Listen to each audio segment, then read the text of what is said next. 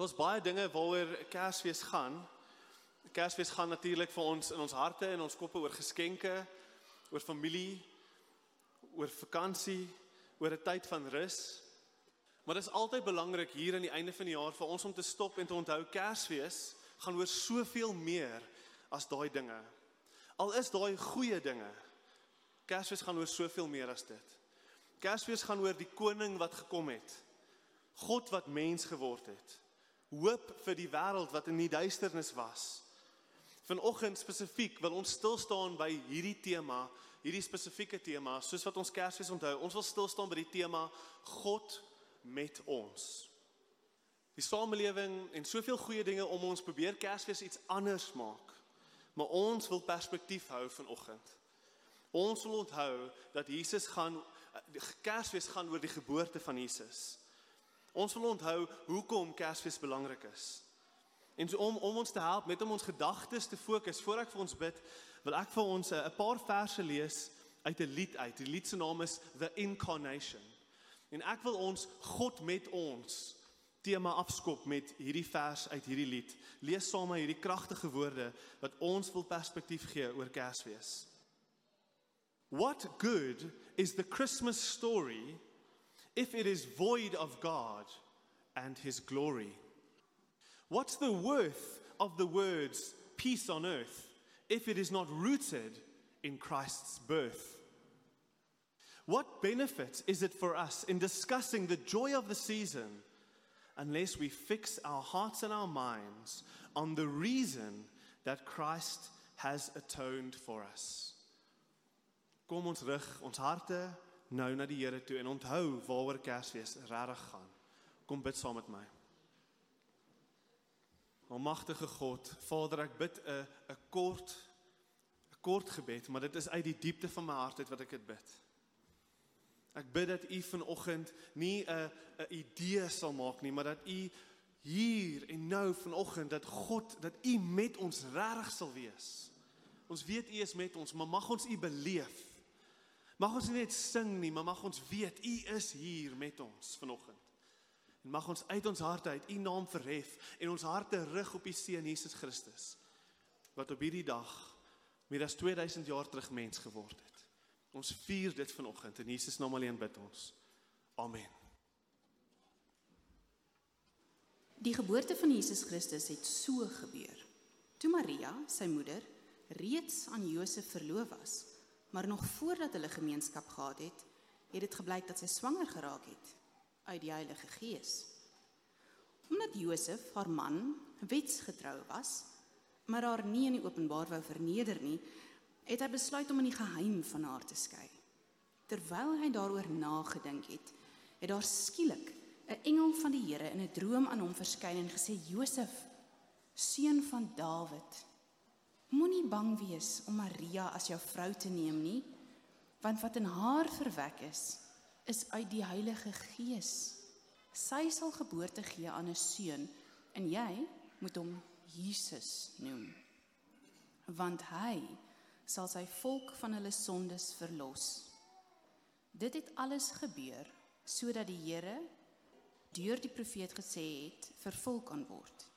Kyk, die maagd sal swanger word en 'n seun in die wêreld bring en hulle sal hom Immanuel noem wat as dit vertaal word beteken God is met ons.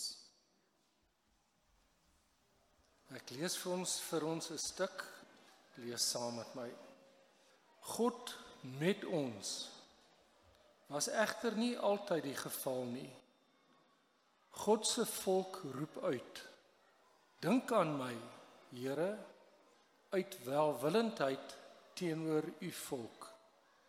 Sien om na my tydens u verlossing sodat ek die voorspoed van u uitverkorenes mag ervaar.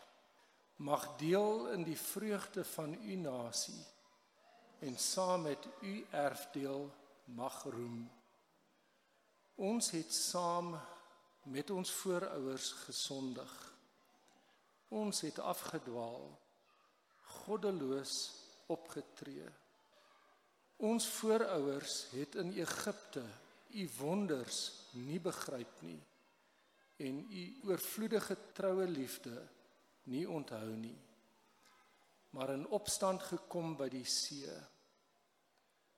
En tog het hy hulle verlos ter wille van sy naam om sy mag bekend te maak hy het die Rietsee gedreig en dit het droog geword Hy het hulle deur die watermassa laat gaan asof deur 'n woestyn.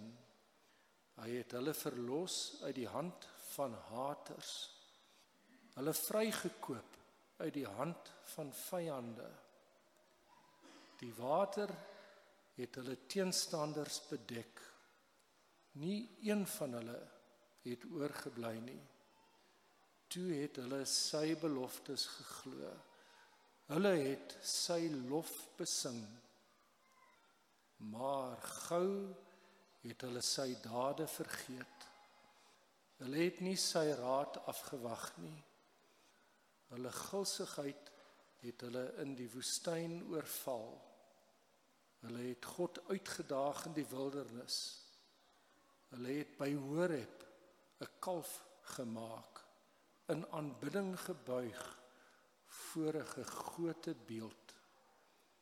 Hulle het hulle majesteit verruil vir die afbeelding van 'n bees wat gras eet. Hulle het God wat hulle verlos vergeet. Hy wat groot dade in Egipte gedoen het, wonders in die land van Gam, ontzagwekkende dade by die Rietsee. Hy het daaraan gedink om hulle uit te roei as Moses sy uitverkorene nie by hom in die bres getree het vir hulle om sy vernietigende toren af te weer nie. Hulle het 'n kosbare land afgewys. Hulle het nie sy woord geglo nie. Hulle het in hulle tente gemor en nie aan die stem van die Here geluister nie. Hy het met sy hand omhoog gesweer om hulle in die woestyn neer te vel om hulle nageslag neer te vel onder die nasies hulle te verstrooi in ander lande hulle het nie die volke uitgeroei wat die Here vir hulle aangedui het nie Hulle het met die nasies vermeng geraak en hulle gebruike aangeleer. Hulle het onrein geword deur daardie gebruike. Hulle het troubreuk gepleeg deur hulle dade. Die toren van die Here het teen sy volk ontbrand. Hy het 'n weersin gekry in sy erfdeel en hulle oorgegee in die land van nasies sodat hulle haters oor hulle geheers het en vyande hulle getuister het hulle moes buig onder hulle hand baie kere het hy hulle gered maar hulle was doelbewus opstandig en hulle het in hulle sondeskuld weggesink O kom, o kom, o redder. Die volk wat in duisternis ronddwaal, het 'n groot lig gesien. Hulle wat in die stikdonker land woon, oor hulle het 'n lig geskyn. U die nasie vermeerder, u het hulle vreugde groot gemaak. Hulle ervaar vreugde voor u, soos die vreugde in die oestyd, soos die wat juig wanneer hulle byt verdeel. Want die las van hulle juk en die hout oor hulle skouers. Die stok van die slawedrywer het hy verpletter soos op die dag van Midian. Want 'n kind is vir ons gebore. 'n Seun is aan ons gegee. Die heerskappy is op sy skouer. Hy word genoem wonderbare raadgewer, magtige God, ewige Vader, vredevors vir die uitbreiding van heerskappy en vir vrede sonder einde sal hy op die troon van Dawid en oor sy koninkryk wees om dit te vestig en te ondersteun deur reg en geregtigheid van nou af en vir altyd. Lofwaardig is die Here, die God van Israel, van ewigheid af en vir ewig. Die hele volk moet sê: Amen. Halleluja. Goeiemôre. Goeiemôre Ligpunt en uh, baie welkom aan jou as jy dalk vir die eerste keer vandag hier by ons is. Ek sien so 'n paar gesigte wat ek nog nie tevore gesien het nie. Ehm um, dit is goed om julle saam met ons uh, te hê vandag by hierdie baie spesiale Kerssangdiens wat ons het. Ons het laas jaar begin om dit so 'n uh, 'n bietjie op hierdie formaat te hou en um, mag dit nog vir baie lank uh, aanhou. Dit is so goed. Dit is so lekker om so saam te sing. Ek wil sommer net dankie sê vir die musiekspan. Ek voel ek sê elke keer dankie hier voor die tyd, maar ons is regtig dankbaar. Vriende, ek gaan vir ons bid. Julle behoort daai blaadjies, net daai twee versies wat ons vir 'n baie kort wyle dag gaan saam kyk. Behoort jy ehm um, hou dit asseblief daar by jou. Ons gaan nou in 'n oomblik by daai twee verse uitkom.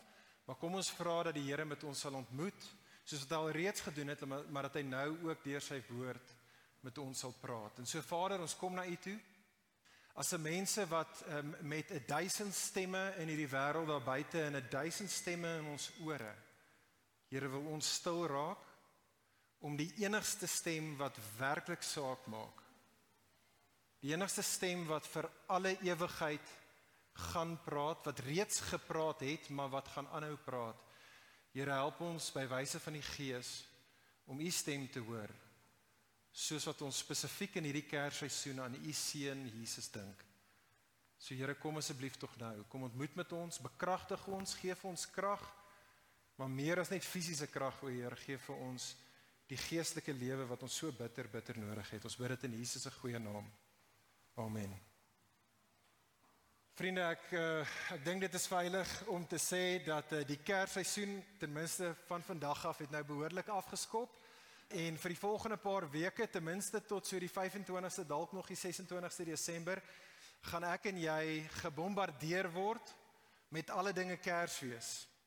Kersvaders, Kersbome, Kersliedjies, Kersetes en natuurlik ook Kersgeskenke. En ek dink in ons westerse samelewing waar Kersfees voluit gevier gaan word in die volgende maand, of jy nou 'n gelowige is en of jy in die weste 'n ongelowige is, dink ek dat daar gaan baie van ons dalk vandag hierso sit.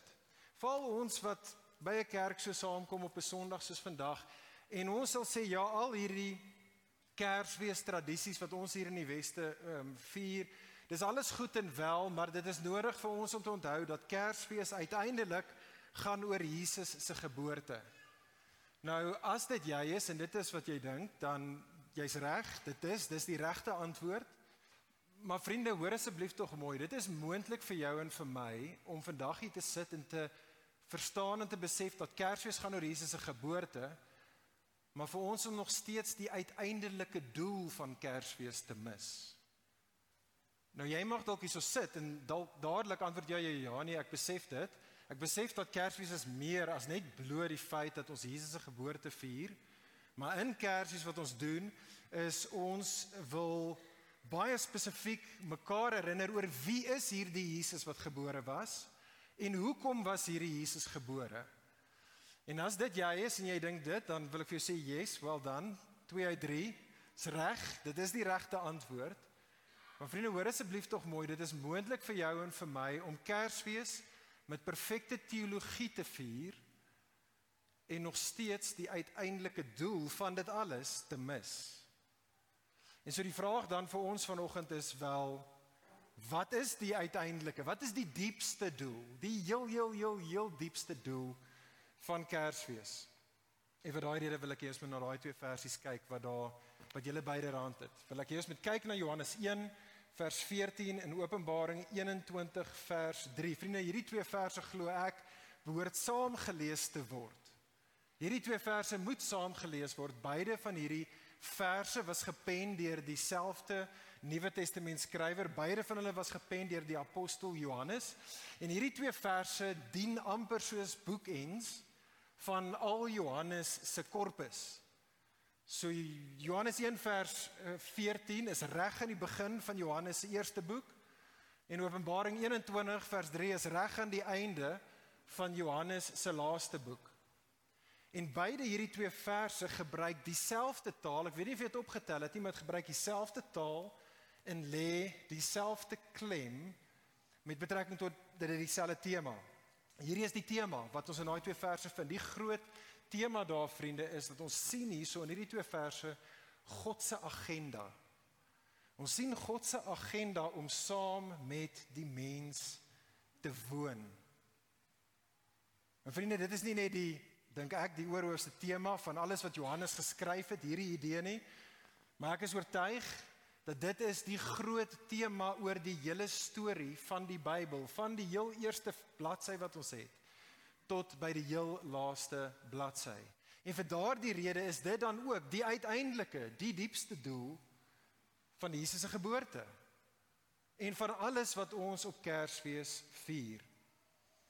En gee my net so 'n paar minute, ons gaan gou vinnig en dit gaan regtig regtig vinnig wees, maar vinnig deur die storie van die Bybel hardloop want ek wil hê dat ons moet dit sien dat hierdie is die groot storie van die Bybel wat vir jou en my help om goddelike perspektief te hê soos wat ons Kersfees vier. Okay, so vinnig, kom saam met my, net so vinnig deur die Bybel. Die Bybel wat natuurlik God se weergawe van realiteit is, begin Genesis 1 en Genesis 2 uh, met die met die aankondiging dat hierdie wêreld, hierdie skepping om ons is nie net per toeval nie, hierdie is daar want daar is 'n Skepper. Daar's 'n Skepper God wat alles gemaak het. Baie belangrik, hy het dit gemaak hoe? By wyse van sy woord. En hierdie God het gepraat en hy het alles tot stand gebring en hy het die skepping tot stand gebring en die hoogtepunt van sy skepping was ons, die mens.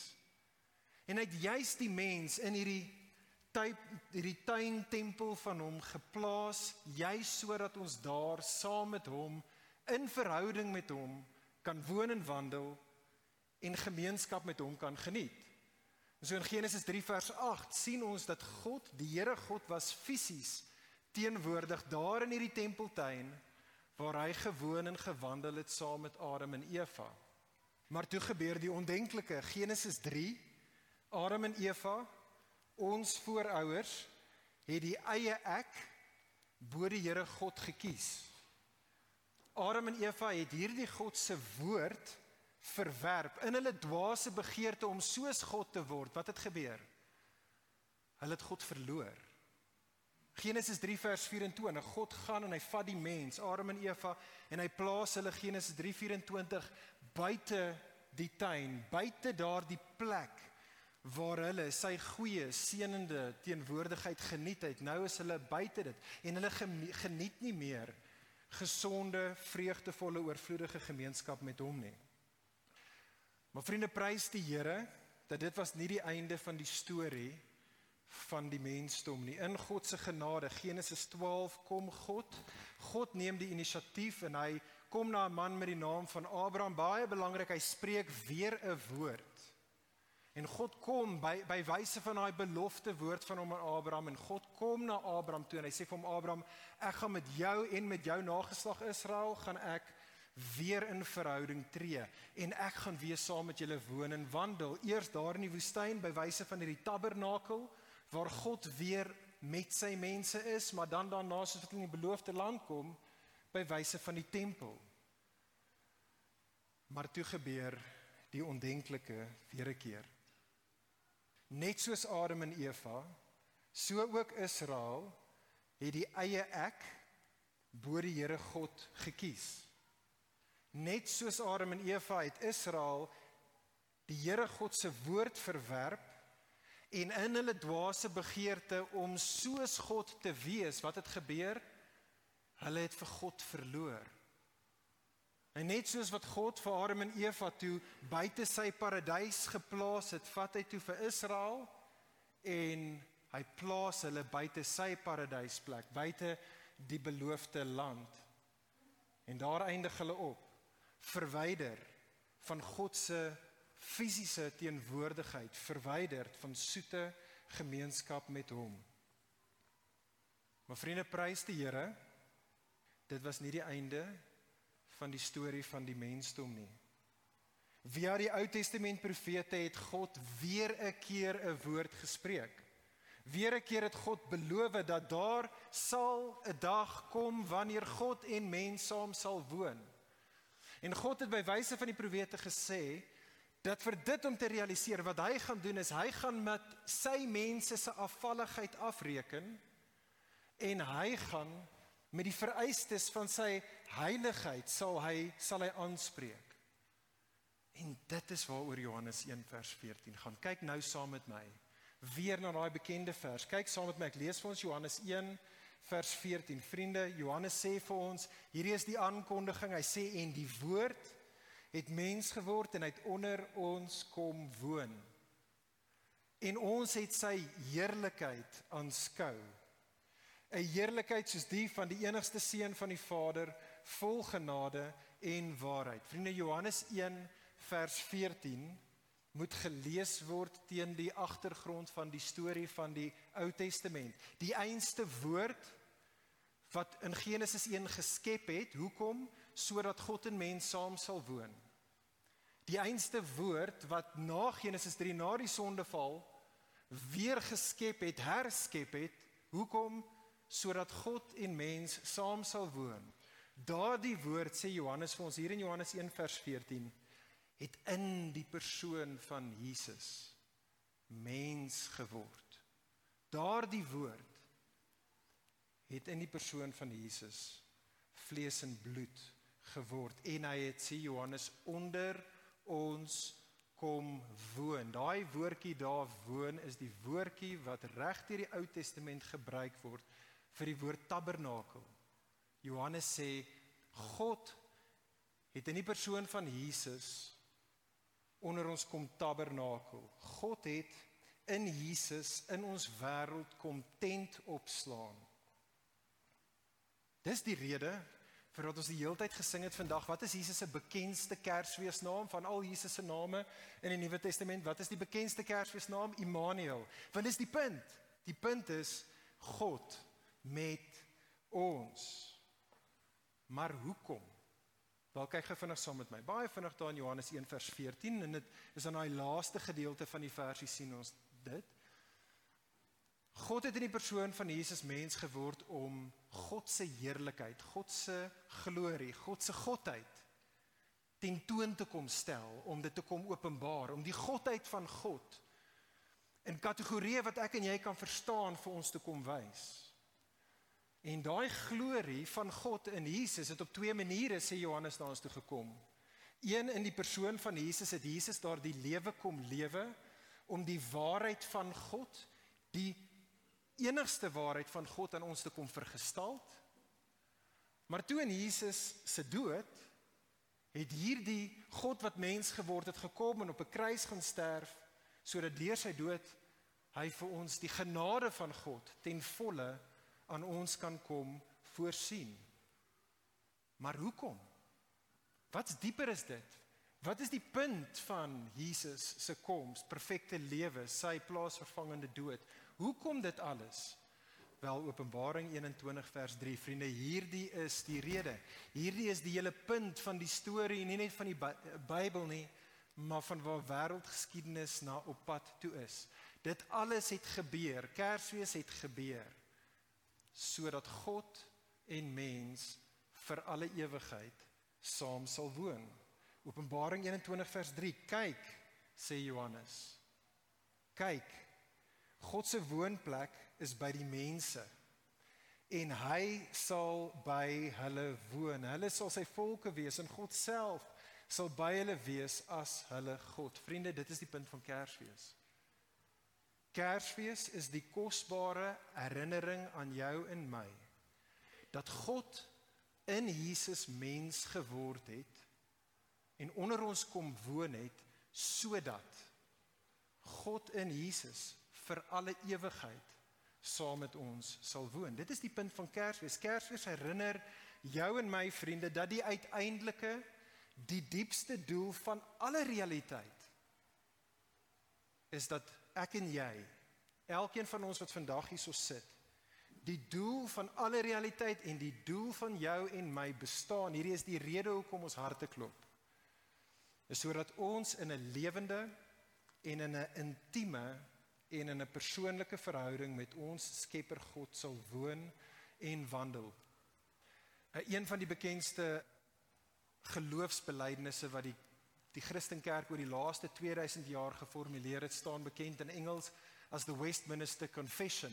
En die heel eerste lyntjie van die Westminster Confession lees as volg. Dit sê dit sê vir jou en vir my the chief end of man is to glorify God and to enjoy him forever. Dit is die chief end, vriend vriendin van alle realiteit. Dit is die chief end of man, dit is die chief end van jou en my. Kan ek jou vra as jy vandag hierso sit, het die rede vir jou bestaan in jou lewe al gerealiseer?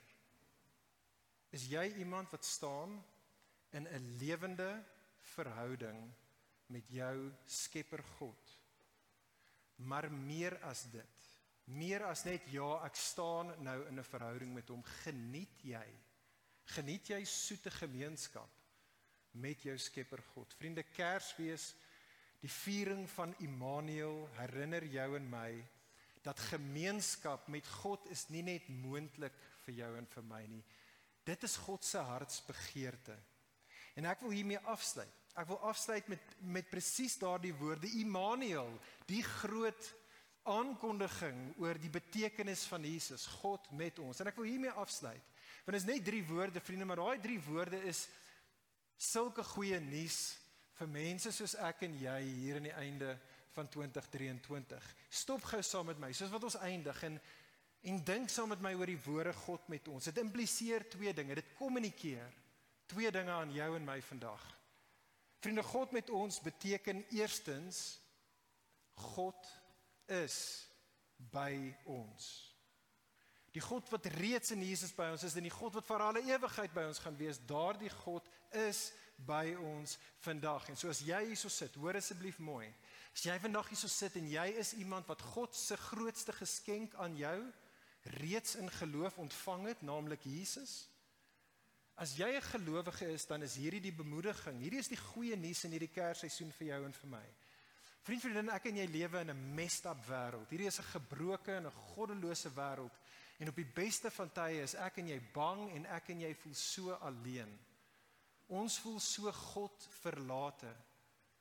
En wat Immanuel vir jou en my aan wil herinner vandag is dit is nie so nie. Dis 'n leuen van die duiwel af.